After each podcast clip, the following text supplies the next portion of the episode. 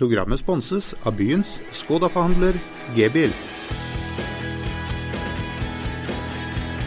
Velkommen igjen til en eh, ny runde med fotballradioen. Det har vært en nitrist uke for eh, norsk fotball. Det er nesten enda tristere for norsk fotball enn det er for eh, Start. Fotballinteresserte sørlendinger Jesper, de sliter noe vanvittig nå. Ja, de gjør i hvert det hvis de er fra Vest-Agder. Øst-Agder de eh, har det jo for så vidt ganske greit. Men eh, nei, for ei blytung uke. Først så blir vi ydmyka på uh, Ullevål. Før det så ryker vi for Hviterussland på Ullevål. Og så går U21-landslaget på en fryktelig stygg smell mot England. Og den kampen gleder vi oss til. Den kampen trodde vi faktisk at vi kunne få med oss noe fra. Vi snakka jo om det forrige uke. Ja, for vi har jo mye gode spillere på dette laget. Men det viste seg at Litt kanskje like nærlandslaget, så ble spillere plassert på uvante posisjoner. og Når du da møter uh, toppspisser fra Premier League, så blir det rett og slett for tøft. Så nå er det store spørsmålet hva må gjøres i norsk fotball? Smerud må gå.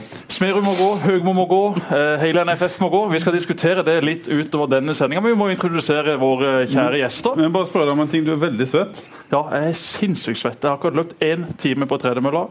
Og når jeg har løpt én time på tredemølla, så tar det minimum én time før da svetten stopper å renne. Så dette blir ei svett og god sending inn i dette glassburet. Det er klart det er ikke de beste klimatiske forholdene her inne, men jeg får gjøre det beste ut av det. Og det er kanskje greit at vi er på radio akkurat nå, at ikke vi er på TV. For jeg har svetta noen ganger i TV-studio også, da det er veldig mye lys, veldig mye sminke. Men uh, heldigvis er vi bare på radio. Men gjestene våre ja. Vi har fått uh, besøk av to legender. Mm. To uh, som kan radio kanskje mye bedre enn oss. De bør, være, de bør være, veldig komfortable her inne. Ja. Han Førstegjesten han snakka vi om sist sending. Det er da mm. legenden fra La Mangua, altså Amund Lutnes. Velkommen! Tusen hjertelig takk. Amund er jo da denne fyren som har kommentert hundrevis av kamper på La Manga nå i flere år. og Han kommenterer også norsk fotball for eh, TV 2 den dag i dag. I tillegg er han med og hjelper litt hos vår andre gjest innimellom, som eh, da heter Glenn. Men etternavnet ditt, hva er det? Ja, Det er et godt spørsmål. Ja. Eh, Fonnesen er den korrekte. Fonnesen, ja. For På Facebook heter du Glenn von Essen. Glenno von Essen, ja. Glenno von Essen. Mm. Så når jeg har sagt til Roy Manuelsen, din tidligere lærer, så mm. har jeg alltid sagt du, han Glenn von Essen. Han heter ikke von Essen, sier han. Han bare tuller på Facebook. Så Glenn Fonnesen, da har vi fått klargjort det. Veldig hyggelig å ha deg her. Det er bare hyggelig å kunne være her og klare opp i slike temaer med en gang. Så, så jeg fikk kjeft i en tråd her om at uh, jeg, jeg, kalte han Norges mest rutinerte fotballkommentator. Det var noen som gøyv løs og mente at det var utrolig lite uh, riktig av meg å kalle han for det. Men det ble jo sagt i en litt sånn morsom setting. Ja, men Han må jo være Norges mest rutinerte fotballkommentator med tanke på hvor ung du er? Hvor gammel er damen? Jeg har eh, fylt 28 år, og jeg satt faktisk Og når du sa var 970 kamper uh, forrige gang, ja, forrige påske, så begynte jeg å tenke bare sånn Ja, hvor mange kamper har jeg egentlig? Ja. Og i år så nå på søndag, Jerv-Åsane, så blir det min hundrede kamp. Ikke sant? I 2016. Ja, Det er ganske imponerende. Hvor mange dager har vi i 2016? Er det annenhver dag omtrent? eller? Ja, men nå gjorde greit for meg det på La Manga. Ja, ja. Vi må ta det først. Hvordan var det, det, hvordan, hvordan var det på La Manga? Så vi, vi, som har vært på La Manga i x antall år, vi er jo møkk lei stedet. Det er jo ikke verdens navle på vinteren. Men du, Amund. Hvor lenge var du der, og hvor mange kamper kommenterte du? Og hvor kommenterte du kampene fra? Det var mange spørsmål. Vi begynner eh, med at jeg var der i to måneder i, eh, i, strekk eh, der nede. Vurderte å dra hjem en liten periode. Det kommer en sånn ganske blytung eh, landslagsperiode med U17 jenter og U17 gutter og U19-kamper. Men jeg kommenterte ikke alle av de i år. Passerte vel 70 kamper i en container der på La Manga. For hvis det er noen som har vært på La Manga òg, og veit hvor godt det er, der blåser det noe helt vilt. Det er jo ikke noe, på den tida der så er det jo ikke sommer. Jeg gikk med jakke alle dagene bortsett fra den siste dagen. Da gikk jeg med shorts. Nå skal altså si at Du vurderte å ha på deg jakke i dag når det er 20 grader. Ja. Så det trenger jo ikke nødvendigvis å bety all verden. Men det er også, det er også poenget at du, du, sitter jo faktisk ikke ute på stadion i den sola som innimellom titter fram og ser kampene. Du sitter da inne i de helt egen bu og ser disse på en liten monitor, altså en liten skjerm. Ja, det er det som var liksom hele ironien rundt det. og Da blir det jo mye vanskeligere å kommentere fotballkamper. For der, apropos Paul, der kommer rutinen inn. Der kommer rutinen inn. Ja, for hvis ikke du ser banen, så er det om å gjøre å være smart nok til å holde kjeft eh, om eh, hva som skjer utafor akkurat det de ser hjemme på TV-skjermen. Så da blir det noen stille perioder som regel, istedenfor at man skal sitte der og synes og ikke ha peiling på hva som egentlig skjer. Og så tror jeg det er, uh, unnskyld, Paul, men jeg tror det også er litt sånn at når du har kommentert noen fotballkamper, så merker du veldig fort hvis du ser på en kamp på TV om kommentatoren er på stadion eller ikke. Du var ikke så bevisst på det før du begynte å kommentere det sjøl. Nå spotter jeg det på Ja. med en gang. Han er ikke til stede. Nei, med en gang, altså. Det tar tre sekunder. Første situasjon. Så du merker at Jesper ikke var i, i Rio når han eh, kommenterte fotball? Jeg traff mange forundra folk på butikken dagen etter finalen. er du tilbake fra Rio allerede? Hørte det jo i natt. Ja, sier. Det er utrolig god flyforbindelse. Ja, Ja. Rett til Kjevik. Men det er en helt annen altså Det å kommentere off-tube, som det heter, og ikke, og ikke være på stadion, det er jo to forskjellige øvelser. det. Det er så utrolig mye, mye vanskeligere. Du må leve deg så veldig mye mer inn i det. Sånn som hvis du er for da, på Levemyr, hvor du står utendørs, du står på hovedtribunen, du hører liksom brølet fra tribunen, og du, du lever deg mye mer inn i kampene enn du da må fake det litt mer til når du ikke er til stede. på Ja, jeg syns det er bra nivå der, ja, altså, på er bra hovedtribunen. ja. Vi må snakke litt om uh, gjest nummer to Glenn Fonnesen, som, eh, som jo har fulgt Start eh, tett i en årrekke, som kommenterer kampene på, på eh, Radio eh, Sør. Eh, vi må ta oss og høre på et av, et av høydepunktene. Skal vi Bare for vi å kan få noe introdusere det Ja. kjapt. Det er altså da Lars Martin Gimsen, tidligere Fedrelandsen-medarbeider, og meg, da, som var rundt på østlandskampen i fjor. Eh, og dette her er da eh, Etter en times spill mot Vålerenga, er? Ja. eh, litt mot eh, the run of play, som man eh, sier, så, så kommer denne godbiten. Der blir Ikenna felt bakfra av eh, Kjetil Wælum, som får det gule kortet. Det er helt korrekt. Han kommer rett og slett eh, et lite tidel for seint inn der, Wæler, og da tar han, eh, da tar han Ikenna og ikke ball. Det virker som Ikenna gir rett og slett Kjetil Wæler litt mer eh, trøbbel på de bekostningene Kjetil Wæler liker å spille fotball på. Det er eh, det fysiske, Glenn. Oppdal fremme og skal ta det frisparket her. Inne på Vålingas banehalvdel. Ja, det, ja, litt inne på Starts halvdel. Ja, han måtte trekke tilbake en halvmeter, ja. Ja, ja, men hvorfor ikke? Eh, det skal godt gjøres at det får en i trynet der. Men Så blir det men altfor lang. Alt for lang. Ja, så blir det det går, det går, det er faktisk Håkon Nå står det sitt første tippeligamål!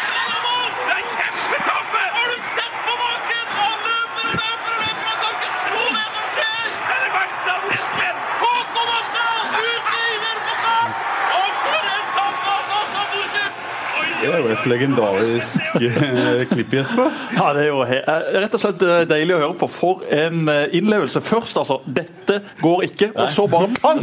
Den ble, nei, begge to i boksen. Nei, den er jo altfor Nei. Det, Det er jo så bra kommentert. ja. For det var det alle tenkte i Ja, ja, ballen var i lufta, at dette går ikke, det er altfor langt. Strålende kommentert. Men jeg legger merke til at vår venn Lars Marte Gims sier 'for en tabbe', mens du bare dyrker jubelen. Du dyrker gleden. Ja, ja, ja. Det, det, er, det er derfor jeg har med en sidekommentator, for da kan jeg være hyggelig, og så kan sidekommentatoren være sånn øh, Og apropos sidekommentering. Jeg tror ikke det er så mange som vet dette her sånn, men Jespen Mathisen han vet du, begynte jo sin lovende mediekarriere som sidekommentator for Glenn Fonnesen på Sparebanken Sør Arena. Det, Husker du det, Jesper? ja, du har fortalt meg dette. Ja. Og jeg, jeg, jeg minnes det vel eh, langt bak i tida. Ja, Jeg husker ikke hvilken kamp det var. Nei, ikke heller. Det var ingen mål fra midtbanen. Nei, det var ikke noe sånn minneverdig på Men er, det, er dette ditt eh, store høydepunkt som Start-kommentator, eller har du eh, noe som du kan rangere enda høyere? Altså, jeg, for meg så uh, henger uh, borteseieren mot Viking 1-0, Mathias Williamson. For meg henger den ganske høyt.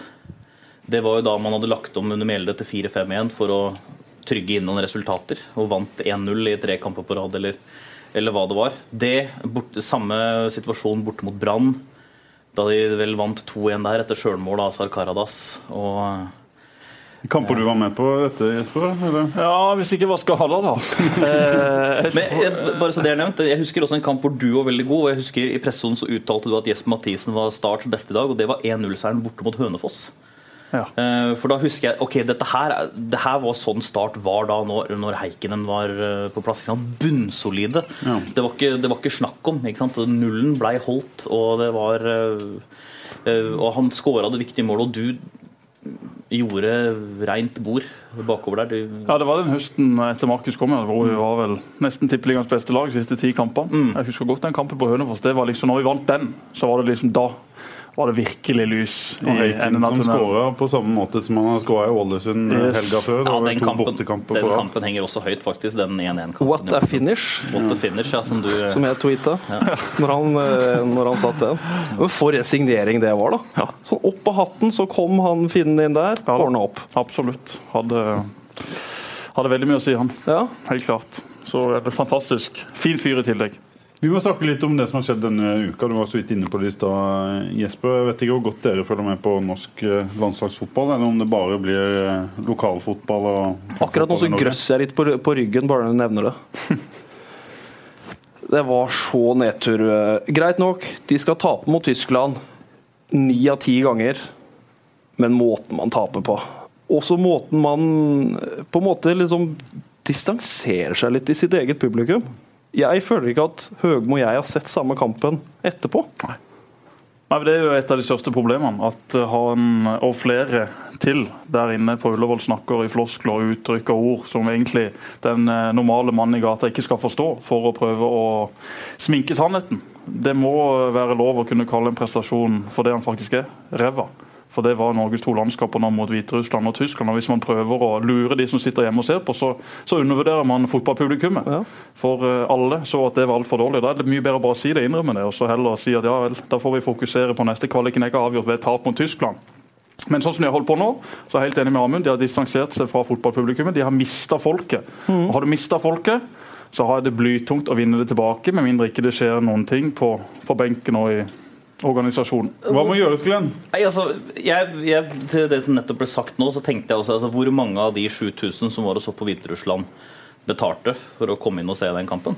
Altså, det er sånn, ja, vi skulle liksom se oppkjøringen til Tyskland, og det skulle, nå skulle det settes i sving, og sånne ting, og så er det 7000.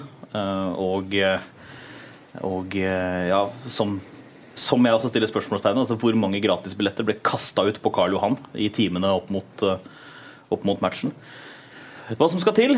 um, jeg tror Amund har vært inne på noe som han, det har vært en av hans kjepphester når det kommer til norsk fotball. Nærhet.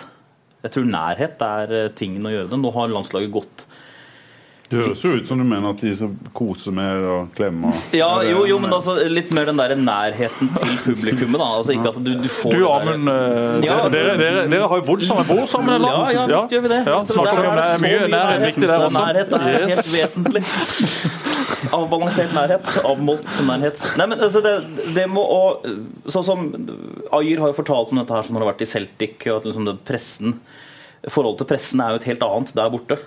Mens her i Norge så er det ikke det er ikke det samme trøkket, det er ikke den samme eh, hverdagen i forhold til pressen. Og jeg tror da at man må Dette skal jo liksom være våre helter. da Og da syns jeg de kan dyrkes mer som våre helter, og ikke som de der borte som skal ut og bruke noen millioner kroner på De får jo kjørt det ganske tøft både i Celtic og i Skottland når det går dårlig der, der borte også, da. Men uh... ja, men- ja, men altså Mitt poeng er jo da at de må altså, Når jeg snakker om de der borte, så snakker jeg om landslaget. For det har jo blitt en sånn perifer greie nå. Eh, hvem er det som egentlig er glad i det norske landslaget per dags dato? det er de som sto og sang etter Tyskland-kampen.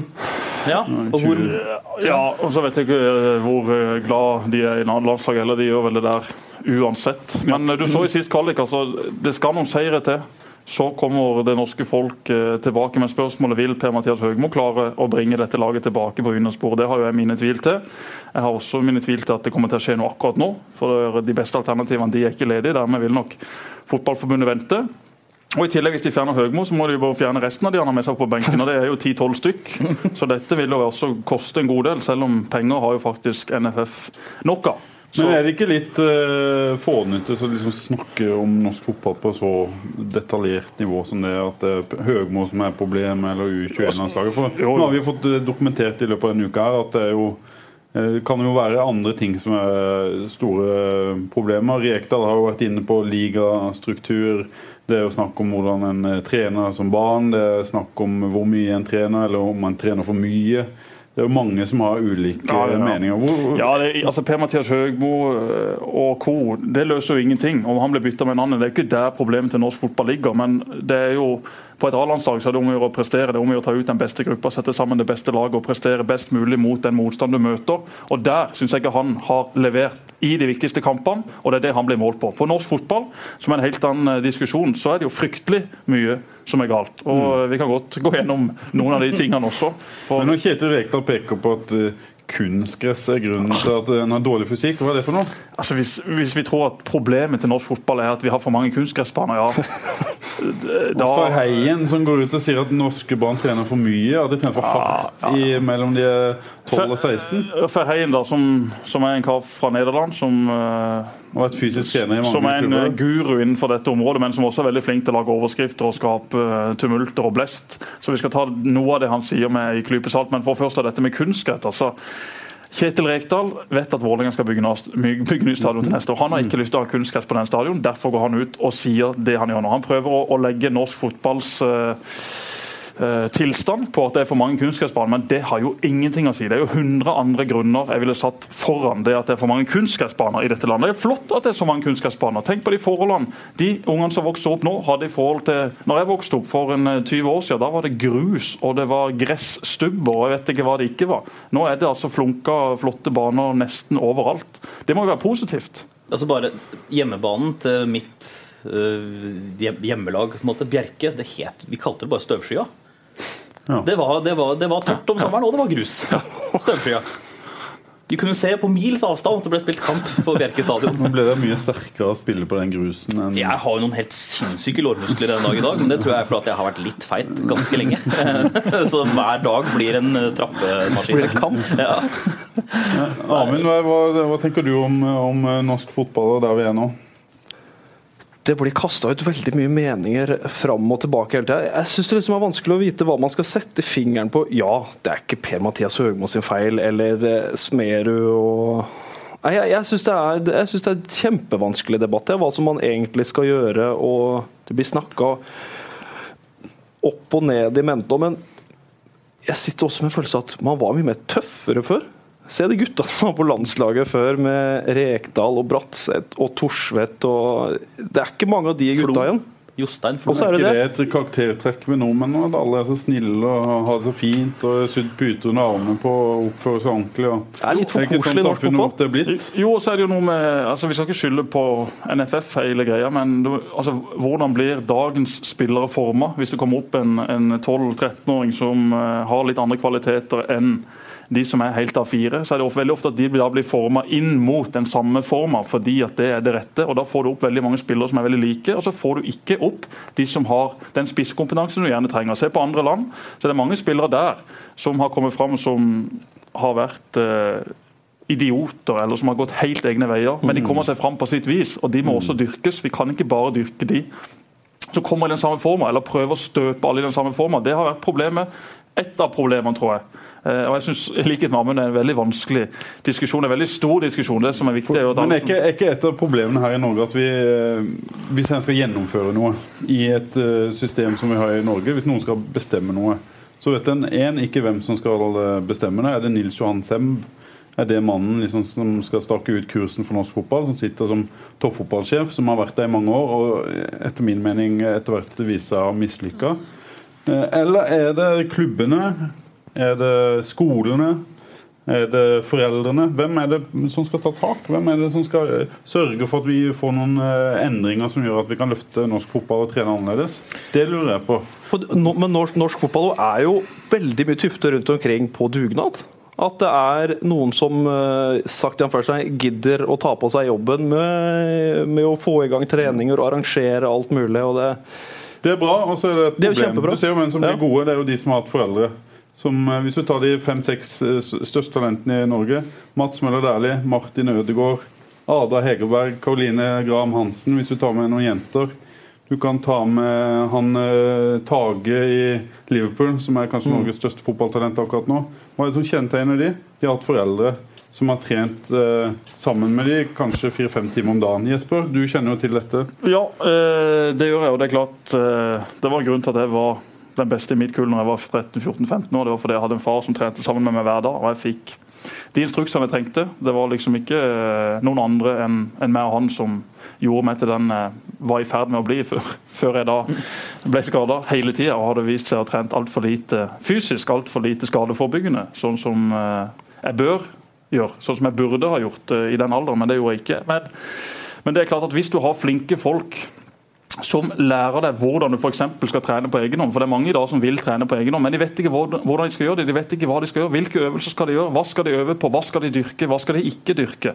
Det er altfor mange som famler i blinde, og det er helt naturlig når du f.eks. har foreldre, som er ekstremt viktig i norsk idrett, i norsk fotball. Men du er nødt til å ha noen som set, drar de store linjene, som forklarer hvordan skal du trene på den økta, hvordan skal du trene på egen hånd, hvordan kan dere to trene sammen. Hva må du dyrke, hva må du dyrke? For de skal ikke dyrke de samme tingene heller. Der må vi komme. Se på Island, som er veldig lett å dra opp som et eksempel. Vi kan ikke sitte heller bare og se på Island, for det er, det er en helt annen organisasjon. Men der har de altså ekstremt mange utdanna trenere som er lønna av forbundet. Over 90% av de trenerne som er i banefotball, de har høyere utdannelse innenfor treneryrket, og de får litt betalt, sånn at de kan bruke nok tid på dette. I tillegg så får vinnerlaget på Island pokaler. I Norge så får alle lag pokaler og diplomer. Alle vinner, ingen taper. I friminuttet på skolen så kåres det vinnere og tapere. Men på ettermiddagen når du skal på trening eller kamp og spille for gutter 8 eller gutter 9, nei, da er det ikke lov å vinne. Da må det tas ut spillere hvis du leder. For noe tull! Altså, jeg tror Vi undervurderer, vi undervurderer ungene. De ser på kamper, de konkurrerer jo hele tida. De konkurrerer i Pokémon, i Det blir satt opp egne tabeller sjøl, og de veit godt hvem som er toppskårer, og hvor mange mål keeperen har sluppet inn. Og... Og det er, det er eh, du, har et sånt klassisk symptom på det du er inne på her. Sånn, ikke sant? At Kamper skal jo ikke avgjøres på straffespark eh, på, i Norway Cup. og den Nei. slags, ikke sant? Det skulle avgjøres på enten antall cornere eller da myntkast. Eh, Men altså, ja, for det var at da, da Du skaper tapere med straffesparkkonkurranse. Men det er jo hele poenget med lagidrett. ikke sant? Og da skal jo Laget da, altså, laget vet jo allerede når kampen er ferdig at ok, vi var ikke gode nok til å vinne denne kampen. her sånn. Det som skjer nå, er lotto. Her kan hvem som helst feile. Dette her må, dette her må unga lære med en gang. tenker jeg. Det er det som er hele essensen med lagidrett. Du så på Sørcup. Randesund mot Moss. Jeg tror det var gutte 13 eller gutte 14-finalen. Hvor det, er, det går til ekstraomganger. Og med den nye avsparkregelen så går det an å skyte rett fra avspark. Og det er akkurat det Randesund gjør. Og så er det en keepertabbe. Fomles i mål, og så vinner Randesund på golden goal etter at Moss har ført hele kampen. Det første som skjedde, det var at alle Moss-spillerne bare beina mot keeper. Og bare løfta han opp, fikk han opp på beina, sa liksom Sa faen, det var synd, altså. Men Ja, eh, jeg får frysninger når du snakker om det. Ja. Det, er så, det er jo det som er fotball. Jeg satt Ja. selv og så på en haug av finalene i Sørcup. Altså, det er jo nesten bedre og gøyere å se på de lag som taper, hvordan de reiser hverandre, hvordan det skaper kameratskap, miljø, samhold. Det er det som er fotball og idrett. undertrykke tap, så må en lære seg å Ja, tape. Er det selvfølgelig. er- Det, du lærer ekstremt mye av å tape. Og du må huske at dette her, det, De som spilte denne kampen, her, sånn, det er jo de som er disse millennials som det snakkes så mye om. Ikke sant? Disse som skal, de som, som er disse under, put, under armputefolka. Ikke sant? Og skal liksom ha alt ha skreddersydd til seg. Og, Men tror du ikke en del vil slutte, slutte med fotball? At det, på en måte Fotball er den store folkebevegelsen i Norge der, som har flest eh, medlemmer. Men skal fotballen være noe annet? da? Skal det være, skal det være en, et mer konkurransepreg på fotballen, og så skal vi heller ofre Offre la oss si 20 av, barna, så skal de holde på med noe annet? Er det Jeg ser ingen motsetninger mellom, eh, mellom det å ha en, enhets, altså en, en stor fotballbevegelse og samtidig eh, lære Men jeg ser det. Jeg, jeg trener 20-åringer. Jeg tror Hvis det hadde vært konkurransepreg og topping, og sånne ting, så er jeg ganske sikker på at ganske mange av de som er trener i dag, hadde slutta med, med fotball. For det hadde ikke blitt på en måte det sosiale prosjektet som det er i dag. Men spørsmålet er hvis de kunne gjort noe annet, så er vel det helt greit. Sånn tenker jeg i hvert fall jeg. At, mm. at fotballen trenger jo i utgangspunktet ikke være for alle. Og er det bra at fotballen i Norge er for alle? Skjer det noe da med med, med de, de som i utgangspunktet er ivrigst og, og best, at de ikke får det tilbudet i, i klubbene som de bør få. At utviklinga skjer andre steder enn i, i klubbene, tenker jeg. Ja. Ja, og det er jo en, selvfølgelig en vanskelig diskusjon, for eh, du har jo også et ansvar som, eh, som den fotballbevegelsen du er, å ta vare på de som kanskje aldri kan bli gode i fotball. For jeg har selv spilt fotball med noen opp igjennom som kunne trent pasninger i 11 000 timer, men de hadde ikke blitt bedre til å slå den Men uansett. Hadde ikke de hatt det gøyere med å løpe orientering eller drive med sjakk eller svømt? Eller, se på Henrik Kristiansen, som sier han skulle aldri gått på fotball. Ble jo med og var der i, i tre år og likte det egentlig ikke så godt. Og så fant han svømminga, og så skjedde noe med han. Jo, men Det er jo helt naturlig at alle blir med på fotball. For det er fotball som spilles i skolegården. Det er fotball de snakker om. Det er jo ingen som, snakker, med all respekt, så er det ingen som snakker om svømming og orientering og håndball i skolegården. Det er fotball det dreier seg om. Og det er fotball folk begynner med først, og så finner de andre ting etter hvert. Og Programmet blir sponset av byens Skoda-forhandler G-bil. Jeg spilte i Gimletroll fram til jeg var 14-15 år. Og vi hadde noen på laget som ikke visste forskjell på en eh, fotball og en bowlingball. Altså. Men de hadde det sinnssykt gøy. Og jeg hadde det sinnssykt gøy sammen med dem. Det er de beste minnene fra min eh, middels karriere. Det er de turene vi hadde med Gimletroll. Det er de kampene vi spilte med Gimletroll. Når nummer 14, 15 og 16 på vårt lag faktisk skåra mål i en finale. Når de klarte å pirke inn ei skåring. Altså, de jubelscenene, den gleden, det samholdet. Jeg tror ikke det trenger å være noen motsetning. Og så var det selvfølgelig vi som var best, som spilte mest og som spilte de viktigste kampene. Men det var det en aksept for i laget. Sånn var det bare. Men Det kan godt hende det er litt spesielt for Sørlandet, dette her, da, men jeg vil tro at veldig mange andre steder i landet så er det en idrett til som også preger skolegården uh, sterkt, og det er langrenn. Eh, jeg kommer jo sjøl fra, fra Maura i Nannestad kommune. Ikke sant? Vi vet ingenting om dette. Nei, ikke sant? Nei, men altså, det, kan- du kan ikke et langrenn preg preger skolegården rundt forbi. Eh, i, i, på Sørlandet kanskje ikke, nei. På Eh, I, Østlandet, I Bergen, på Østlandet to millioner mennesker.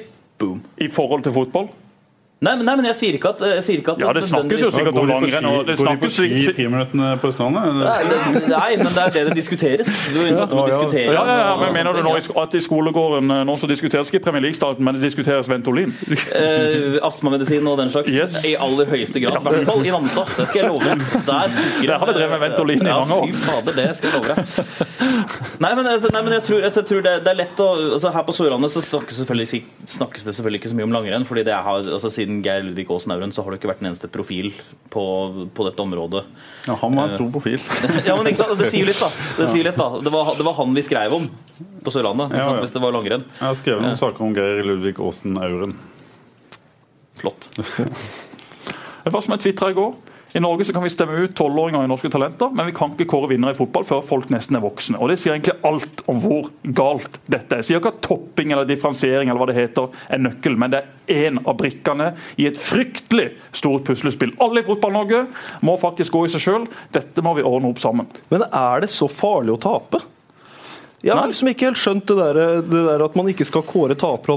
Det er jo ikke, jeg har tapt veldig mye i min fotballkarriere, så jeg vet absolutt hva jeg snakker om. så klart, Men eh, det kommer jo en ny kamp, ikke sant? ny mulighet til å vise seg fram. Tenk å grave deg helt ned eh, Nei, jeg, for et tap. Jeg kan huske skylda. jeg spilte fotball. Jeg vet ikke om dere fikk lov å konkurrere, Jesper. Du er vel eh, helt på grensa der. Men eh, når jeg var seks år, så tok vi sølv i en fotballturnering, og ingenting var gøyere enn det. Vi fikk sølvmedalje hengende rundt halsen når vi var seks år. Jeg tror ikke det ble ført tabell eh, sånn eh, offisielt når vi var 6-7 år, men vi førte den jo sjøl. Og, vi- og vi vant jo 25-0 uten at vi tok ut noen spillere eller brydde oss om, eller brydde oss om det. Det var selvfølgelig trist for motstanderen. Det var kanskje ikke så veldig mange av de som spilte fotball seks år etter, men sånn er det jo. Se på andre idretter. Se på hvordan Livet blir senere. Selvfølgelig må man lære seg å, å, å tape. Det er det viktigste. Det vanskeligste å lære seg det å tape, så jeg kan like godt eh, lære seg det først som sist.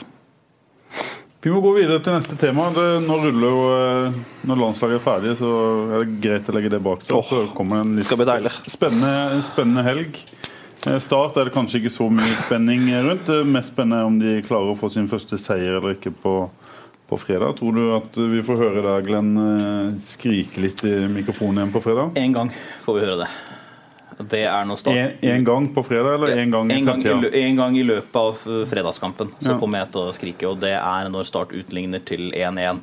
Når det er kvarter igjen å spille mot Ålesund. Du tror vi får en ny sånn en kamp? Jeg tror vi får en litt sånn blåkopi av Sogndal-kampen. At eh, det kommer et forholdsvis tidlig baklengsmål, og så er ikke gutta helt med fra start. Og så må de inn i garderoben, og så må det resettes litt, så må det sies litt og snakkes litt sammen, og så kommer de ut. og så styrer de eh, andre omgang uten å helt skape de helt svære sjansene. Og så får sikkert Salvesen eller Børufsen en mulighet, og så går den ballen i kassa. og så blir det en stor mulighet til ett av lagene eh, mot slutten av kampen. Enten, om det blir Ålesund eller Start, det ser jeg på som 50-50. Ja. Og så sitter begge lag igjen med at ja, ja, det var greit med et poeng. Du er enig i den spådommen, eh, Amund? Nei, nå vinner de. Nå vinner de på fredag. Jeg har eh, bygd opp til hver kamp som jeg, har- når jeg har hatt med Start. Jeg hadde Start Stabæk. Jeg hadde en lang remse med spørsmål klare før, før den kampen som jeg skulle si til Steinar Yes, nå skal jeg få det første intervjuet med Steinar som, eh, som vinner. Og så har det blitt slått ned så mange hjemmekamper eh, på rad. Vi har faktisk trodd, eh, som jeg trodde før Vålerenga Vålerenga inne i dårlig periode. Nå tar startet. Men du er ganske positiv fyr, Amund. Du er sånn som klarer å bygge opp eh, en sånn positiv eh, optimisme før hver startkamp. Det- Er det riktig? Ja, men så gjør det jo litt sånn vondt etterpå, da. Når du liksom bygger opp. Det er liksom bedre å, og det er, det er bedre å se for seg at det går dårlig. Men eh, nå mot Ålesund, Ålesund òg, der er det jo helt kaos. Det er det nest dårligste Ja, laget i Eliteserien. der er det jo helt kaos Ja, så altså Start er jo favoritter de mot Ålesund. Ja, Er det det, eller er det helt dødt nei, det på oddsen, så er de favorittene. Knepne favoritter. Ok. Knepne favoritter. De er vel en eh, to Det står vel i 2,40. Ålesund eh, står vel litt høyere enn det. Men det var det vel både mot Stabæk og Sogndal? Ja da, det var det. Men Start er favoritter mot Ålesund på hjemmebane. Og det som er litt spennende, da, jeg satt i går og hadde eh, lunsj med vår mediesjef Roy Manuelsen i Start, og vi snakka liksom Hva vi sier han kommer nå? Skal vi bare ta han helt ut? Skal vi liksom, når Hva skjer da? Skal, skal, skal vi når dommeren blåser bare kjøre We are the champions på anlegget, fyrverkeri fra toppen av Sør Arena, hive steiner sånn oi, oi, Og liksom åpen buss ned til Harvis, og der er det bare full fest. Alle intervjuene ute på banen. Ikke sant? Inn i garderoben. Ikke sant? Sjampiser og Ja, Hva kommer til å skje hvis de vinner? Nei, det kommer nok ikke til å skje, det. Men det hadde vært, det hadde vært sykt humor synes jeg, Og liksom bare virkelig tatt og kjørt løpet helt ut. Bare kjørt det som vi hadde faktisk Steike! Starta vunnet gull! Vi har vunnet en kamp i Tippeligaen 2016! For en prestasjon! Nå snur det! Nå snur det. Ja, nå er det Nei, det blir vel eh, jeg, jeg tipper, Hvis det blir seier, da, så tipper jeg det blir eh, Det blir nok mye, mye glede både blant publikum og spillere, men samtidig litt sånn avmålt. for Ja. altså Man ligger desidert sist i Tippeligaen. Må la følelsene styre. Ikke legg lokk på følelsene. Må Nei da, nei da, nei da. men så Jeg har iallfall lyst til å ta Steinar sånn og hive han i lufta. Vi får se. Men så er det da med den, hvis de tar den første seieren da, nå, på, nå på fredag, så tenker jeg at det vil ha utrolig mye å si for neste sesong òg. For hvis man skal gå Gud forby gjennom hele sesongen uten å vinne en eneste fotballkamp, og så skal man gå på en blytung Obos-sesong De må, de må ja, ha dette- en to-tre seire, eller i hvert fall én. Dette kan jo fort være den Eller dette er nok den beste sjansen som gjenstår av, de, Ja. av de kampene som står igjen eh, for start i årets sesong. Så det er klart det, det blir en eh, ekstremt viktig kamp, og Ålesund har ikke sett bra ut. Der er det kaos. Og Trond Fredriksen og Steinar Pedersen er jo på pro-lisenskurs i Oslo denne uka, så ingen av de får jo eh, satt laget sitt eh, i stand. Det er assistentenes uke. Og Da kommer jo et spørsmål om Start vinner. Var det godt at Steinar endelig var med? Selvfølgelig, selvfølgelig kommer det Ålesund har jo sparka- Ålesund har jo sparkeassistenten sin, så Jo, men de har jo fått inn en ny en Ja. nederlender. eh, En Aabrecht Light går det rykte om. Så jeg vet ikke hvor godt han har blitt tatt imot. Men uansett, ja da. Det spørsmålet kommer selvfølgelig Hiring for your small business? If you're not looking for professionals on LinkedIn, you're looking in the wrong place. That's like looking for your car keys in a fish tank. LinkedIn helps you hire professionals you can't find anywhere else, even those who aren't actively searching for a new job but might be open to the perfect role. In a given month, over 70% of LinkedIn users don't even visit other leading job sites. So start looking in the right place. With LinkedIn, you can hire professionals like a professional. Post your free job on linkedin.com/people slash people today. Vil starter vinner, men Steinar har selvfølgelig gitt sine instrukser om hva som skal gjøres i denne uka. Så Men hva skjer på starttrening? Jesper, det må vi ta en liten disku, diskusjon om. Vi har vært på noen treninger denne uka. og Vanvittig mye surmuling, krangling, høy temperatur, kjefting, smelling. Henrik Ropstad, gummi, Espen Hoff, Espen Børufsen Espen Børufsen. Ja, nei, Det er deilig deilig å se at det er litt fyr i teltet. Jeg tror nok, eller jeg vet eller Selvfølgelig er disse gutta ufattelig lei av å tape fotballkamper. Og har blitt eh, egentlig ledd litt av hele Fotball-Norge nå i over et år. Så det er klart at eh, det er ekstremt mye energi og eh, sinne som Frustrasjon. så- Ja, frustrasjon ikke minst, som skal ut. og Da eh, går det ofte ut eh, også på trening. og Det er, det er ingenting som er så gøy som det. De gøyeste øktene jeg har vært med på, det er jo når det er full fyr i teltet og krangling og munnhuggeri og osv. Så, videre. så er man venner igjen etter trening. Hva er den verste personen du har hatt på trening? Hvem av- Husker du noen sånn ufine Jeg kan jo si den gangen du ble sparka i ankelen av Var det Bismarck? eh, Nei, det var det ikke. Det var Babakazar som uh, mista huet, og som vel også var grunnen til at han ble solgt fra Start. For han viste viste flere episoder at han ikke hadde huet på rett plass. Og alle kunne se at han var en god midtbanespiller, men han kunne til tider Han mokka ned inne i 16-meteren på en trening. Han mokka meg ned eh, i 16-meteren, og det er jo har hatt flere sånne. Nei, altså, ikke, no, ikke noe sånn. Den var grisestygg. og Det er vel kanskje derfor eh, kneet ble som det ble. Jeg har vel aldri kommet tilbake sånn skikkelig etter å ha blitt nedsparka. Der, uten at jeg vet det 100% så kan det ha vært det som ødela det til slutt. Eh, Men jeg har hatt eh, slåsskamper med Eller ikke slåsskamper, men sånn nesten slåsskamper. Det er sånn som meg og Kenneth Høie. Det er som hvis, hvis Russland og USA skal liksom gå til krig, så er det ofte at de stopper like før for de sier at dette kan bli stygt for begge. Og det var vel det meg og Kenneth også tenkte at eh, vi hadde flere episoder hvor jeg klagde på keeperen, og keeperen klagde på meg. Kjetil Rutford har jo mange klinsjer med. Bård Borgersen. Han har jeg sparka ned, og han har sparka meg ned, og vi har revet hverandre trøyer. For i den alderen jeg var 18-19-20, så spilte jeg spiss, og da var det jo ofte på småbanespill. Så spilte jeg mot disse her litt eldre gutta. Og det var ekstremt mange gøye dueller. Og Atle Roar Haaland han er jo ikke noen slåsskjempe, men han har skjelt meg ut fordi jeg skjelte han ut når jeg var en pjokk. Tom Nordli har jo nesten slåss med en haug av ganger. Det hadde jo vært en scene for historiebøkene. Gummi hadde du en Gummi og på La Manga. La Manga. Ja, Da begynte jeg å blø neseblod. Det var to kraftige karer som gummi deisa meg i bakken jeg skulder mot skulder. Vi vant kampen, det er viktig for meg. 4-2. Jeg skåret ei perle i krysset som gikk opp til 3-2 der. En viktig skåring. Mathias Williamson og Gummi var jo på det andre laget. Altså Disse øktene elska jeg jo. Det var det gøyeste jeg kunne være med på. Sammen når vi spilte kamper. Hvis jeg kunne være i det humøret der, ofte mot Rosenborg, så, så syns jeg det var ufattelig gøy. Så jeg syns bare det er positivt at det er sinne, frustrasjon og energi på trening. Men det er om å gjøre å få det ut i kamp. da. Det hjelper ikke oss å stå og slå hverandre i huet fem minutter før kampen starter, hvis man er som lam når kampen faktisk starter. Man må klare å få ut det samme i kamp. og Det gjenstår å se på fredag, da, om de klarer å ta med seg denne energien ut på De er i hvert fall eh, så å si skadefritt eh, lag igjen. Til og med Ujak i, i Demokon begynner å Nå skal ikke lansere hans for en eh, plass i stallen til helga, men han trente vel med Start 2 i går og begynner å nærme seg et eller annet igjen.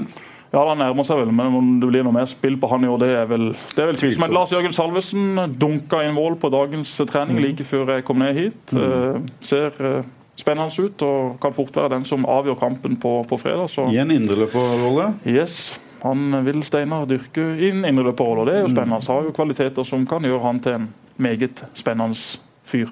Så har vi Jerv, Amund, på søndag. Eh, Du har vel eh, vært der, Jesper, at de rykker opp? Men er, er du der nå? Jeg sitter òg med en sånn liten følelse av at eh, jeg tror det er Jerv som ikke rykker opp. At de får tredjeplassen, og så er det Kristiansund. De vinner avdelinga, tror jeg. De vinner Obos-ligaen i år. Og så tror jeg Sandefjord tar andreplassen, men det kommer til å bli kniving helt inn. Og jeg satt jo og noterte meg ned her kampene nå til helga i Obos-ligaen. Da er det Jerv Åsane, Sikkerhå. Kristiansund KFUM Oslo Sikkerhå. Og Sandefjord Ullkisa. Ja. Jerv var den vanskeligste kampen av de tre. Ja. Åsane er det beste laget av, av de tre de skal møte. Men er Åsane jo med, med Herrem tilbake nå, det blir eh, Og mye Husseini. utskiftninger. Ja, ikke minst midten. tilbake. Eh, Men Jerv er klare favoritter til, til å vinne den. Og klart at Absolutt. Her er jo alle de tre lagene klare favoritter til å vinne. Og Neste hjemmekamp er vel mot Sandefjord, er det ikke Det det? er på, mot Sandefjord på Levemyr. Ikke sant? Så det er klart at det, det kan Arne fort, Sandstø mot sin eh, gamle klubb. yes, det kan fort være den kampen det, Det det faller ned på. Det kan Ja. det. Så Men sånn som også, sist på Levemyr, Jerv slo akkurat Ullkisa på hjemmebane.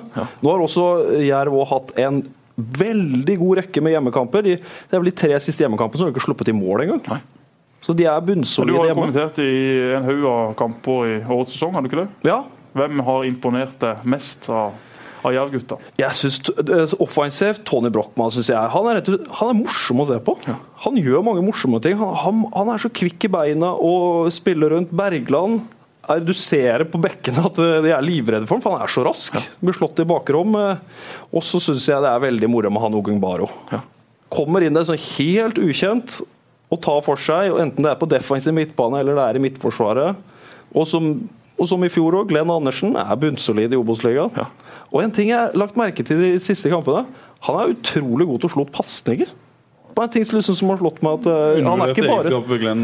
Ja, han er ikke bare en sånn, eh, duell- duellstopper. ball. Ja da, han er, han er jo gammel spiss, Glenn, i sine yngre dager. Så han er, ja, det har jeg alltid sagt. Glenn er faktisk god med ballen. Ja. Hvis det er noen som hører på dette her i Drammen, så er de godt innforstått med at eh, med Glenn Andersen som spillende midtstopper. Ja. Det var jo en, en åpenbaring i godset, det, når, når han fikk plassen der. Og, eh, så det, det, var, det, var ikke, det var ikke helt uten grunn at han ble klappa inn da du gikk skadet av eh, i serieåpningen. Nei, så det var ikke jeg som ble klappa av. Nei, det var ikke du som ble klappet av, dessverre. Det var, Glenn, som ble inn. det var Glenn som kom inn som fikk, som fikk applausen. Dessverre, Jesper. Det er Beklager å måtte få Nei, Glenn er jo ikke han æresmedlem i Godsunionen, Ja, da? det må være noe sånt. Glenn Andersen? Og i Fredrikstad. Og i Fredrikstad. Og i Fredrikstad. En eh, meget. Så er spørsmålet var jo Glenn hvis det ble opprykk? Han var jo telte jo på knappene før denne sesongen og Ja. hadde jo ingen kjempegod opplevelse sist han var i Tippeligaen, hvor han eh, sleit eh, til tider. Men eh, han er eh, bra trent og som du sier, eh, rutinert, god med ballen. Så det vil Men det er nok Obos-ligaen nå, da. Ja da, jeg vet det. Det Men det. eh, det kan jo trigge han å bli med Ja. et, et år til. og Det er ikke så lett å finne stoppere som, som Glenn med den erfaringa han har og med den standinga han har opparbeidet seg i Grimstad. Absolutt ikke. Vil jo være en ekstremt viktig mann å få med seg videre. tenker jeg. Hvis eh, Jerv skulle gå opp, så er de nødt til å ha rutiner og noen som har vært med på det før. Og ingen er jo bedre da enn en lokal helt. Absolutt ikke. Og så har du også en utrolig viktig spiller for Jerv, er jo Andreas Hagen. Ja. Som har egentlig de to siste åra blitt litt døtta litt rundt, øh, rundt på banen. Har en sånn øh, indreløperrolle nå. Veldig bra. Så stille og rolig med ballen. Han har jo også ferdighet ferdigheter til å spille i Eliteserien, og så er det vel fysikk og tempo og sånne ting som kanskje er hans Ja. ankepunkt. Men han minner meg jo litt som jeg har sagt før om Geir Ludvig Fevang. Jeg tenker at Han er en sånn spiller at hvis du får han uh, spillet til å sitte rundt han, så er han en mann som kunne spilt i Eliteserien. Og han var jo også trente med Start, eh, Jesper, etter at han Han var det. Han spilte Før han gikk til Esbjerg, vel?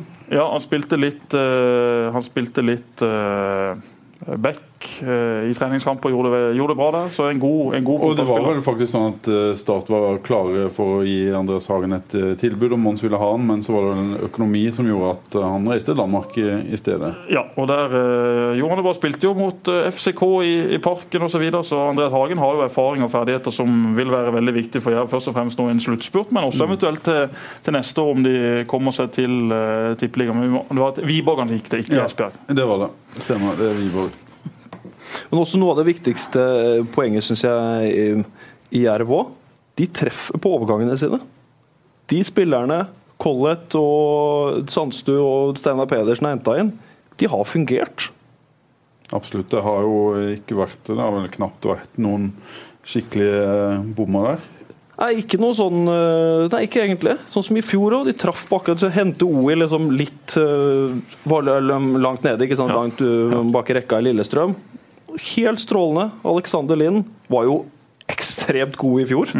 Han dunka inn mål øverst der. Han har vært god nå i det siste også. Mm. Selv om han har en helt forferdelig sveis. Har jo bleika håret sitt. Og ser er ut som en er noe sånn Romania 1998. Ja, ikke sant? Han ser, han ser ut som en rumener. Se for liksom Moldovan og Haji Ja. og den gjengen der som gikk rundt og hadde bleika håret sitt i det ja. mesterskapet. er jo helt krise. Ja. Det, det har ikke blitt bedre. Alexander Lind lar seg lett prege av de trendene som er, og er jo en strålende fyr. Eh, Men eh, den eh, sveisen hans den holder iallfall ikke tippeligastandard, holder heller ikke Obos-standard. Men drakta da på deg i dag, den? Fortell litt om den. Ja, Skal jeg stille deg spørsmål etterpå? Skal han forklare om drakta Skal jeg ta drakta først? Ja, ta drakta. Jeg må jo pynte meg når jeg først er på fotballradioen. Ja. Dette her er da en eh, Du forklare hvordan den ser ut. da. Du Det er en rød, eh, rød drakt. Helt rød drakt med noen mørkeblå detaljer over skuldrene og ved ermene. Sponsa av Even Myhrstad? Av, av LC Charles, Volkswagen-forhandler, da sikkert i Crew-området. Dette her med klubbemblemet da, Crew Alexandra. Det er Rebook som har levert drakta. Det er en drakt fra like etter eh, tusenårsskiftet, eller rundt tusenårsskiftet. eh, Fra det som da var min store helt i mitt store lag, Crew Alexandra. Colin Little, nummer sju. Eh, veldig undervurdert spiller hos alle andre enn hos Crew-fansen. Veldig populær der, og veldig populær i det hele det fotballområdet også. Har ganske god status i, i klubben som lå under Crew på dette tidspunktet, Macclesfield. Eh, og det er, det, er, det er et tungt kjærlighetsforhold å være, å være forelska i Crew. Hvor er crewen eh, nå? Nå ligger de i league two. Ja. De gjør det. De kom helt sist i league one i fjor. Ganske greit også. Nedrykk på 17-18 poeng, tror jeg. De For det er ikke lenge med. siden de var i championship. De lå i sesongen 04-05, så lå de, eh, når Boxing Day kom, på kvalikplass til Premier League. Ja. Og så solgte de Dean Ashton. Ja. Um, og så vant de én kamp andre halvdel av sesongen, og det var aller siste seriekamp for å unngå nedrykk. Da vant de over Coventry hjemme, og da var det tidligere eh, crewhelt som spilte sammen med Colin Little i en 4-3-3-formasjon på topp. Dele Adebola. Jeg vet at eh, Det er flere sånn Bristol City-fans som også har Når de hører navnet Dele Adebola Å ja, å, for en spiller. Som eh, sendte Coventry i ledelsen, og det hadde jo vært poetisk, det. ikke sant? Tidligere crewspiller sender crew ned, men de klarte å snu det rundt. altså, Vant den kampen og berga plassen. Rykka ned året etter, da, men det, det Kjente spiller Murphy som var i Liverpool, var vel eh, Danny Murphy, Neil Lennon, David Platt, Craig Hignett. Nå har vi jo hatt Det var jo mye snakk om Nick Powell for mm. et par sesonger siden. Nå har jo ikke det helt gått som kanskje alle parter hadde håpa i den sangen, bortsett fra Crew, som fikk det spekulerer nærmere 7 millioner pund for han. Og det er ikke verst, det, for en spiller som skåra et titalls mål i league 2. Men eh, altså, han har jo sk- skåra årets mål i verdensfotballen den sesongen da Crew da vant, um, vant playoffen til å rykke opp til, til League One. Det målet, altså hvis, hvis dere ikke har sett det, Nick Powell versus Det- Cheltenham. Er det en volley-scoring? Det er eh, Nei. Han, de, de spiller seg løs på venstrekanten, spiller seg inn, og så har han et lite touch hvor han vipper ballen opp til seg sjøl. Rask Ja. 180-gradersvending og bare limer den i motsatt kryss. På helvolley. Ja, sånn sett da. Hvis han legger, hvis han legger opp til volleyen sjøl, så er det greit. Da skal du få den eh. Vi har jo også spurt eh, folk eh, på vår Facebook-side om det var noen spørsmål eller tema de ville stille oss. Lars Martin Gimse, din eh, gode kollega Medkommentator, fra Ullevål, eh, spør om vi kan lage topp ti-liste over beste sørlandske fotballspillere gjennom tidene. Det skal vi gjøre på en annen sending, Pål. Vi snakka litt om det før sending. at uh, Da må vi nok ha litt mer tid på Vi oss. et må ha noen mer rutinerte gjester. enn, uh, en, en To østlendinger. Helge Martin Markussen, er også en eh, god gammel radiovert. Ja da. Han har kommentert Start, han òg. Ja, Ja. Han skylder en pose twist på et veddemål, så jeg skulle bare si til han at det, det kommer til å komme. Mats Westgård han har sendt inn tre spørsmål. Har du noen gang lyst bredere enn på bildet med Sulland, Pål? Dere lagde jo et Vipers-magasin nå før Jeg var veldig glad. Ja, Det må jeg ærlig innrømme. Da Jim ville ta bilde av meg, så ble jeg glad. Ikke da sant? sto Sulland eh, ved siden ja, ikke sant? Tilfeldigvis. Tilfeldigvis. Men uh, Vipers serie åpner når Vi altså onsdag, kveld mot uh, Sola. så vi får promotere de også. Hvis ingen som har andre planer på onsdag, så stikk ned i Akvarama og se på et Vipers-lag som kommer til å feie Sola av banen. Det er i dag, det. Og Det er i dag. ikke minst Lutnes, du er jo spiker! Ja, jeg spiker nede i eh, Akvarama vært det siden Karus-dagene. Ikke sant? Fra Karus til Akvarama blir jo biografien min. Har blir det håndballfeber. I, i, I kveld skal jeg på håndballkamp med svigerfar og sønn. og Jeg blir dratt med. Eh, Blir det håndballfeber nå, Amund? Ja, nå blir det det. Nå skal Larvik Nå skal, for, nå skal forspranget til Larvik det skal kuttes, eh, kuttes ned, og det er henta inn mange interessante spillere. Vi får nok ikke se Sulland i dag, ute med skade, men eh, det ser veldig bra ut. Fått inn en veldig god trener i Kenneth eh, Gabrielsen. og Som alle trenere alltid er før sesongstarten, snakker liksom litt ned produktet. Vi er ikke helt der vi skal være. Vi må, vi må få, få ting til å sitte. men eh, Hjemmekamp mot Sola blir en fin første utfordring. Og Kristian- Kristiansand trenger jo en positiv Vi trenger å vinne idrettsarrangementer på Sørlandet, rett og slett. Absolutt. absolutt. Det blir moro å se et er vinnerlag. Håndball er hens. Det er det. Ja, nå kom det akkurat nå, var det ikke det? Jo da, jo da. Nå må vi videre. Nei, men altså, jeg, jeg syns håndball er gøy. Jeg liker veldig godt å se på, på håndball. Og jeg ser som regel på håndball hvis det er noen gode kamper som går på TV. Jeg har vært på noen Vipers-kamper opp igjennom, men eh, jeg kommer ikke til å gå på Vipers-kamp eh, i kveld. Det gjør jeg ikke, men eh, jeg kommer nok til å eventuelt stikke ned og høre på Lutnes og, og se på Terje Må de utfordre eh, Larvik for at du skal bli litt interessert? Nei, men altså, De kommer ikke til å utfordre Larvik. Nei. Det er bare tull. Eh, eh, Larvik står i 1-0-4 til å vinne serien i år. Så, Va- så Vipers prøver liksom å snakke opp sitt eget produkt for å selge sesongkort, men de er jo sjanseløse på Larvik. I fjor skulle de liksom kjempe om medalje. Jeg lessa inn penger på at de skulle ta medalje. Tok de medalje? Nei, de gjorde ikke det. De var ikke i nærheten av den sølvmedaljen jeg hadde spilt på. Ja, altså, dette, her, er- dette er personlig, dette her, altså, Jesper. Ja, det er det. det, er det. Neida. Men jeg syns, jeg syns det er gøy med Vipers. Veldig imponert over det de har fått til. Eh, og eh, vi trenger å ha et eh, håndballag i byen som presterer. Eh, håper også at KIF etter hvert kommer tilbake der de en gang var. Kjempegøy får, å på KIF-kamp om. jeg får så mye kjeft om eh, KIF. Hvorfor skriver ikke Fedrelandsvennen mer om KIF? Kom dere opp på høyere nivå, eh, sier jeg da. Ja. Så det vil vi gjerne ha. Og så er det jo selvfølgelig denne her diskusjonen om håndball, eh, fotball Den tar vi ikke her. eh, Den tar vi ikke her, Men hvis noen vil ta den, så er jeg klar for å ta den. Det var hva jeg ville si. Men lykke til, Vipers, i kveld. Jeg tror på en god sesong. Jeg skal love at jeg skal komme på kamp. Både for å se håndball og for å høre på Lutnes. Kanskje vi skulle tatt oss en tur, Fonnesen? Kan vi ikke bare gjøre det? Det- Jeg har billetter. I dag har jeg spilt Vipers minus 7,5.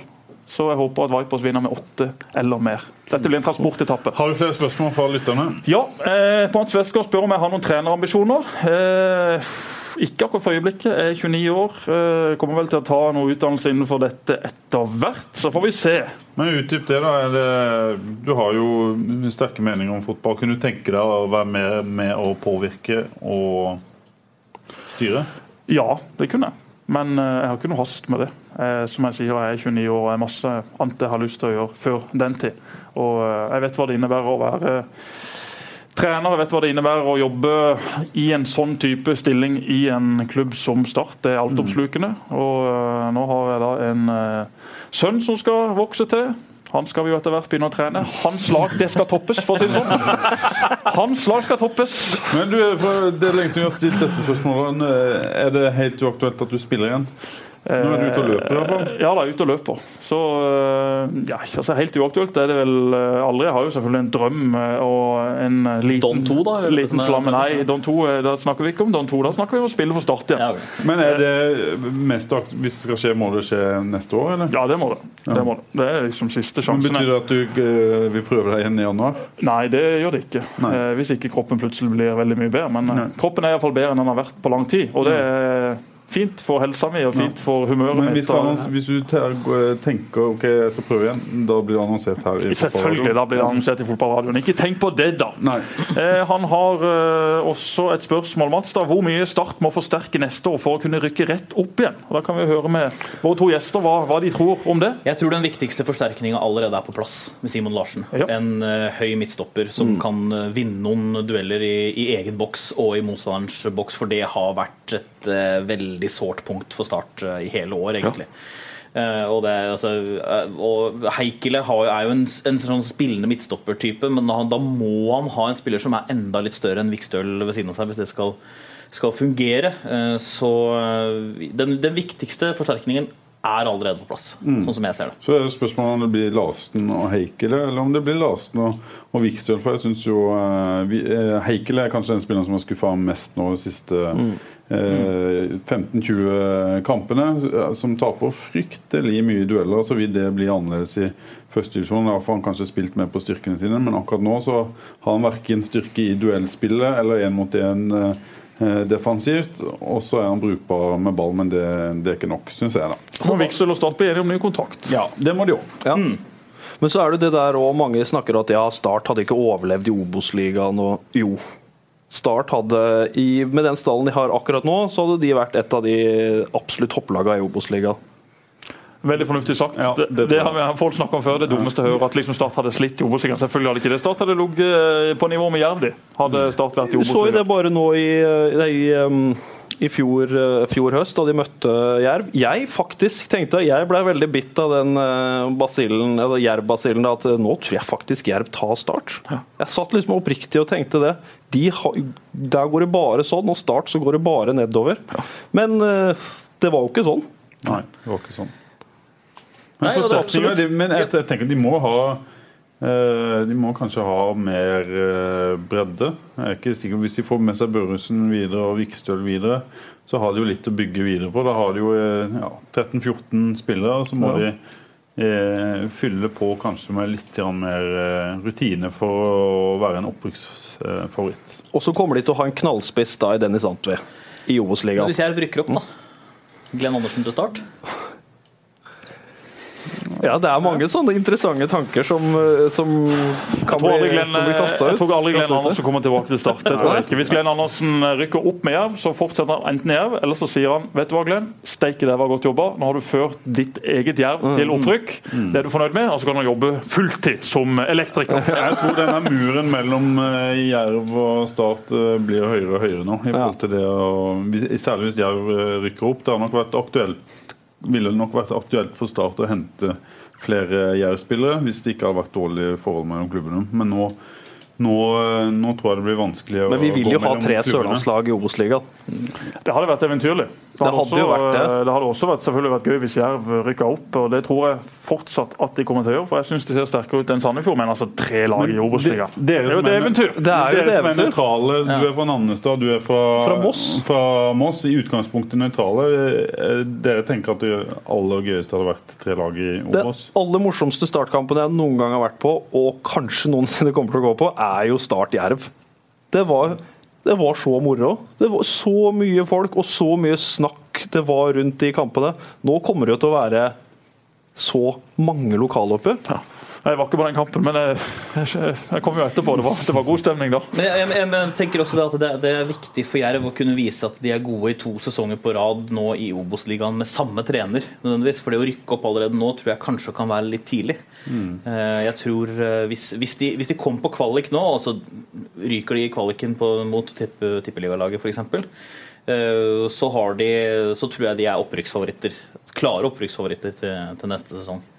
Eh, Sånn sett. For jeg tror de trenger enda et Det å rykke opp med en ny trener nå tror jeg kan eh, Jeg vil heller ha rykka opp med andre sesongen Ja.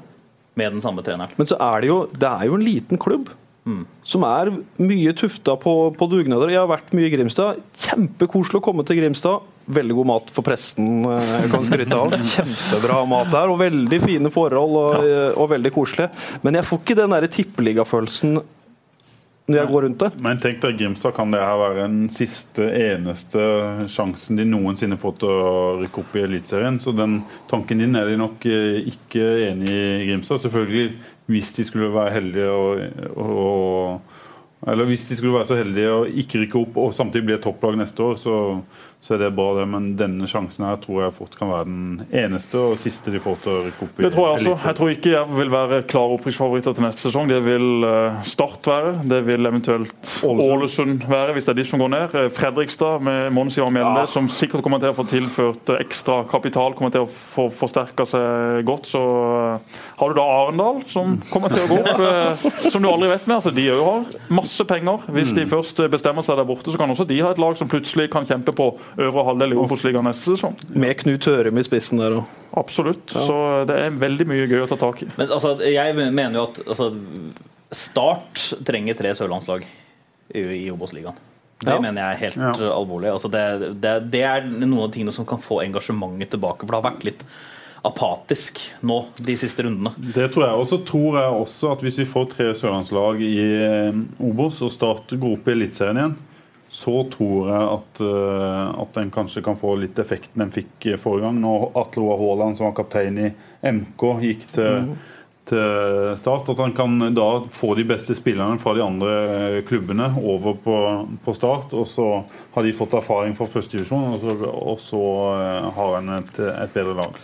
Men det blir nok noen 0-3-sesonger før det, altså. Det er, jeg, er, jeg er- jeg er litt redd for det. Jeg er litt redd for det. Jeg tror, jeg tror fort Jerv kan være Hvis Jerv ikke rykker opp, så tror jeg de kan være strå hvassere enn Start Ja. neste år. eh, hvis, de, hvis de to lagene møtes. Eh, men eh, kanskje ikke helt 0-3-tendenser med tre tap altså i både begge hjemme, seriekampen og i cupen, men, eh, men allikevel. Altså det, det, det, det tror jeg ikke spiller så stor rolle nå. Altså nå, må, nå må engasjementet tilbake. Nå må, nå må det koke litt rundt Men engasjementet kommer jo ikke før resultatene kommer. Er vi ikke enige om det? eller? det, ja, men så så vi jo Så skal du klare å skape engasjement uten resultater? Har du ja, Det var jo kvalikkampen i fjor, da. Det er jo det beste målestokken vi har. Du kan jo klare å skape sånn engasjement gjennom vinteren hvis man gjør et par smarte signeringer, og hvis man klarer å få snu dette til positivt, hvis man begynner å vinne i hvert fall noen treningskamper. Så kan engasjementet komme tilbake. Men det forsvinner jo fort. Men jeg er villig til å vedde på det at Start kommer over Jerv i en eventuelt Ja, Obos-liga ja, ja, men vi tar det veddemålet etter hvert. jeg, jeg slår meg ikke vrang på det i det hele tatt, altså. men jeg, jeg snakker litt, tenker litt høyt med frykt. Selvfølgelig. Og, Eh, vi har tid til et par spørsmål ja, til. Gi meg noen nye historier om Balagaba. Jeg har jo fortalt alle historiene om Balagaba. Hvordan husker dere Balagaba? som en, eh, en ikke spesielt målfarlig spiss på et målfarlig lag. Husker jeg eh, Balla Garba. Særlig da 05-sesongen. Det var jo da jeg begynte å Jeg flytta ned hit august 2004, så jeg Ja. fikk liksom så vidt med meg at de rykka opp. Ja. Og så kom 05-sesongen, eh, og, det. og da kokte det på Flekkerøy òg. Husker det? Den perioden der sånn var det jo helt eh, kaos ute på Flekkerøy med fløy. Og De har Vard bare Haugesund. Ja, Det var Haugesund som tok det helt på slutten. Det var Haugesund, var det ikke det? Fotballklubb? Jo, jo. Nå Ja, var var, det det, var det Haugesund? Ja, Ja, det ja, var ok, ja. Jeg var ganske sikker på at det var Vard Haugesund. Jeg òg. Det var ikke det var Haugesund. Var det var Christian? Christian Grindheim Nei, med Jostein Grindhaug sentralt på Ja, okay. som jeg gir meg på det, altså. Jeg skal Jeg, jeg mener det var Haugesund, ja. Ja. Ja. Eh, ja. Vi- Laget var fra Haugesund i hvert Ja, fall. det var, Ja, det var- de, var De var fra Haugalandet. Alle hvordan det gikk med Haugesund. De er egentlig der Fløy skulle vært. Yes. Ja. Og så har vi Alexander Flå, min gode gamle lagkamerat i Start 2. Nå en meget habil eh, maratonløper. Han eh, savner noen historier om Terje Ellingsen. Hvordan husker dere Terje Ellingsen? Den som sitter her inne. For meg er Terje Ellingsen et navn på championship manager. Ja, okay. eh, I aller høyeste grad. Der var han målfarlig. Ja. Eh, men jeg har jo hørt rykter om at eh, altså, eh, om, om at Terje Ellingsen og Terje Leonardsen var de to spillerne som ble pepet av oftest på Kristiansand stadion. Det var noe sånt, for jeg husker jeg er jo, Av av så er det faktisk jeg som har flest A-lagskamper i seniorfotball. Akkurat for- Eh, for just IL. For just? Ja. ja, det, ja, ja, ja, ja. Har du en. Jeg, har, jeg tror jeg har en eh, 10-12 stykker. Akkurat. Ja, ja, det er helt sykt. Eh, var ikke med å prege laget på noen som helst måte. Hadde mange svake innhopp eh, og det, i sjette divisjon. Eh, men eh, da husker jeg da møtte vi, da møtte vi Tigerberget. Ja. Og der var jo noen av disse gamle starterne, Ja, annet da Terje Leonardsen. Da, og da var liksom, Terje Leonardsen? Ja, ja, og da var det liksom Ja, ja, ja, disse gutta her sånn. De var liksom, treneren skulle liksom peppe oss opp. Da, da hadde vi tapt 8-0 tre kamper på rad, eller noe sånt. Og så skulle Ja. vi liksom møte et av lagene som var der oppe. Og masse gamle startspillere. Og, ja. og disse gutta her de blir pepet av disse, eh, Kristiansand stadion. Runde etter runde. Så bare gå ut og ta de! Og så tror jeg vi tapte 4-0 eller noe. Men Ellingsen har vel en Var han midtstopper eller back, eller? Nei, nei, Ellingsen var jo kant. Var det? Ellingsen eh, var jo trener eh, for meg da jeg kom opp i Start 2. Jeg må En, si at eh, jeg har fulgt Start siden jeg var bitte liten, men jeg husker knapt Altså, Terje Ellingsen spilte kant, Ja. og han var litt samme spillertype som en Peder Vinsnes. Var ekstremt god til å løpe og vise innsats. Var sånn typisk spiller som alltid løp på de ballene som du så at kom ut over dødlinja. De løp Terje Ellingsen på. Det var liksom den ballen som han aldri til rette med. Han skulle iallfall løpe. Jeg tenker. Øyvind Evjen Ja, på Terje to- Ellingsen. ja, det han. det? Fordi at de kan nok ha ligna litt på hverandre. Begge blonde, begge Mm. kommer fra nord. Begge jobba i Start 2. Ja. be- Han ene var oppmann, han andre var trener. Eh, De var gode kamerater. De er for så vidt kamerater ennå. Kanskje ikke fullt så gode. Mm. Eh, Ikke noe sånn, altså, men de gikk veldig mye sammen før. Jeg tror ikke de går like mye sammen nå. Men nå har jo Terje Ellingsen også flytta litt østover og funnet seg en, eh, en eh, dame der. Så der bor han. Har en sønn som heter Jesper. Et flott eh, navnevalg, det. Eh, Og Alexander Flå, da, som hadde han som trener. Eh, mener å huske at han holdt ekstremt lavt nivå på treningene, til tross for at han nylig hadde lagt opp. La vel også på seg en del i perioden som Start 2-trener. Antar pølsemåltidene på Esso ved starthallen før kamp og trening bidro en del til det. Fantastisk type og OK-trener. Det var Alexander Flås beskrivelse. Så er det Eivind Hegeland som spør hvor skakkjørt er egentlig økonomien til Start. Da må vi nok ha eh, litt mer tid enn det vi har nå, men eh, det er iallfall positivt at kommunen ser ut til å bidra. Det var vel noen positive signaler som kom derifra. Det, det, det, det, det, for, Og det meg hjelper en, ja, ja, for meg så var det en litt sånn no-brainer også. Altså, valget her er jo å få leieinntekter eller ikke få leieinntekter. Ja. som jeg ser det. Ja. Og så er det Øystein Sødal eh, fra Grimstadland som spør om vi kan snakke litt om de på utgående kontrakt i Jerv. Tenker særlig på Bergland og Brochmann. De har vi jo allerede snakka om. De blir selvfølgelig med i Tippeligaen hvis Jerv rykker opp, og jeg vil jo tro at de blir med videre. Også uansett, Hvis ikke noen andre klubber da plukker de opp. Ja, for Det er ofte det der som er litt vanskelig i norsk fotball. Eh, Når klubbene ikke har altfor mye makt over spillerne. Plutselig ikke sant, så gjør Jerv det veldig bra, så går de opp. Ja, Så kommer Stabæk, Bodø-Glimt og alle de klubbene som kanskje kan tilby litt mer, da, og snapper de opp fra de, og så står man igjen der litt sånn raka fant. Se Bærum, f.eks. Tapte så vidt mot Mjøndalen i kvaliken i ja. 2014. De går ned i andredivisjon i 2015. Det snur så fort. Ja. Ullkisa også spilte kvalikfinale for noen år siden mot Sandnes Ulf. De gikk ned i andre divisjon. i Ja, eh, og, og Ja. for å si det sånn, I siste serierunde hvor de skulle sikre kvalikplassen, så tapte de hjemme for Bryne, som Ja. dermed berga plassen. Så, ja. Ja. Mm. Men det er noe med det der at det plutselig så snur det. Det gjør det. Og da snur det plutselig veldig fort. Siste spørsmål det er fra Eirik eh, Felle. Han spør om Stefan Berlin var World of Warcraft-avhengig da han spilte i Start. Og det, om, om han var avhengig eller ikke, det, det vet jeg ikke, men han var iallfall en av. Europas ja, ja, Han var en av Europas beste World of Warcraft-spillere. Han hadde en sånn en profil som han solgte til en eller annen fyr på nettet for ganske mange titusener. Så Stefan Berlin var en god fotballspiller, enda bedre i World of eh, Warcraft. Det visste jeg ikke. Det er fun fact. Jeg tenkte ikke at det spillet var så gammelt engang. Ja. Men, altså, om det var of Warcraft var, Jo, jeg, mener det. Jeg Ja, mener ja, det det var kan det altså. men det er, altså, tida flyr jo sånn. Ja. I tillegg så hadde han en katt uten hår. Så ut som en kjemperotte. Eh, han spiste alltid middag fra ei bolle, og det var alt han hadde. Han hadde ikke noen tallerkener hjemme, han hadde bare en sånn bolle. Altså en sånn en du har type cornflakes oppi. Det var det Stefan Berlin hadde da han bodde alene. Eh, Men var en knakende god eh, kar. og Husker jo Han ble henta hit eh, ble gitt relativt mye lønn. om Det var nesten en million i lønn på den tida han kom. Det var, det var ganske bra betalt. og kom jo relativt ubeskrevet. Var det fra Vesterås? eller eller som Vesterås, han kom? ja. Der han han- vært veldig siste årene. Han leverte virkelig, varen. Ja. En, eh, en god spiller med enorm fart. Absolutt. Han var bra. Og han sa det, at han spilte jo ofte venstre kant. Eh, Når han kom inn da, så eneste han konsentrerte seg om, var å skyte rett på utsida av foten til forsvareren. Han visste alt det, så han sa hvis du bare skyter der, så vet du at sannsynligvis så vil det bli farlig. Han liksom brydde seg ikke om hvor målet var, men altså alltid bare få lagt han over. og Det var han ekstremt flink på. Hvis man ser på de målene Stefan Berlin har skåra, så er ekstremt mange av målene akkurat på denne måten. Ned i lengste hjørne over Ned i lengste hjørne. Mm. Yes. Litt sånn Robert Pires-aktig.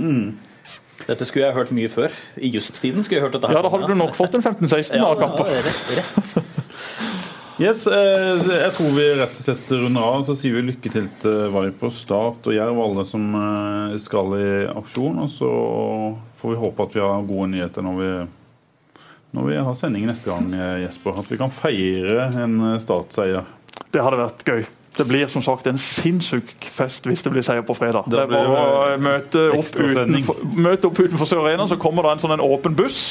Og så skal vi hylle gutta på vei ned til. Så sier vi takk for i dag. Takk for at jeg kunne komme, gutter. Tusen takk. Hyggelig. Programmet ble sponset av byens Skoda-forhandler G-Bill.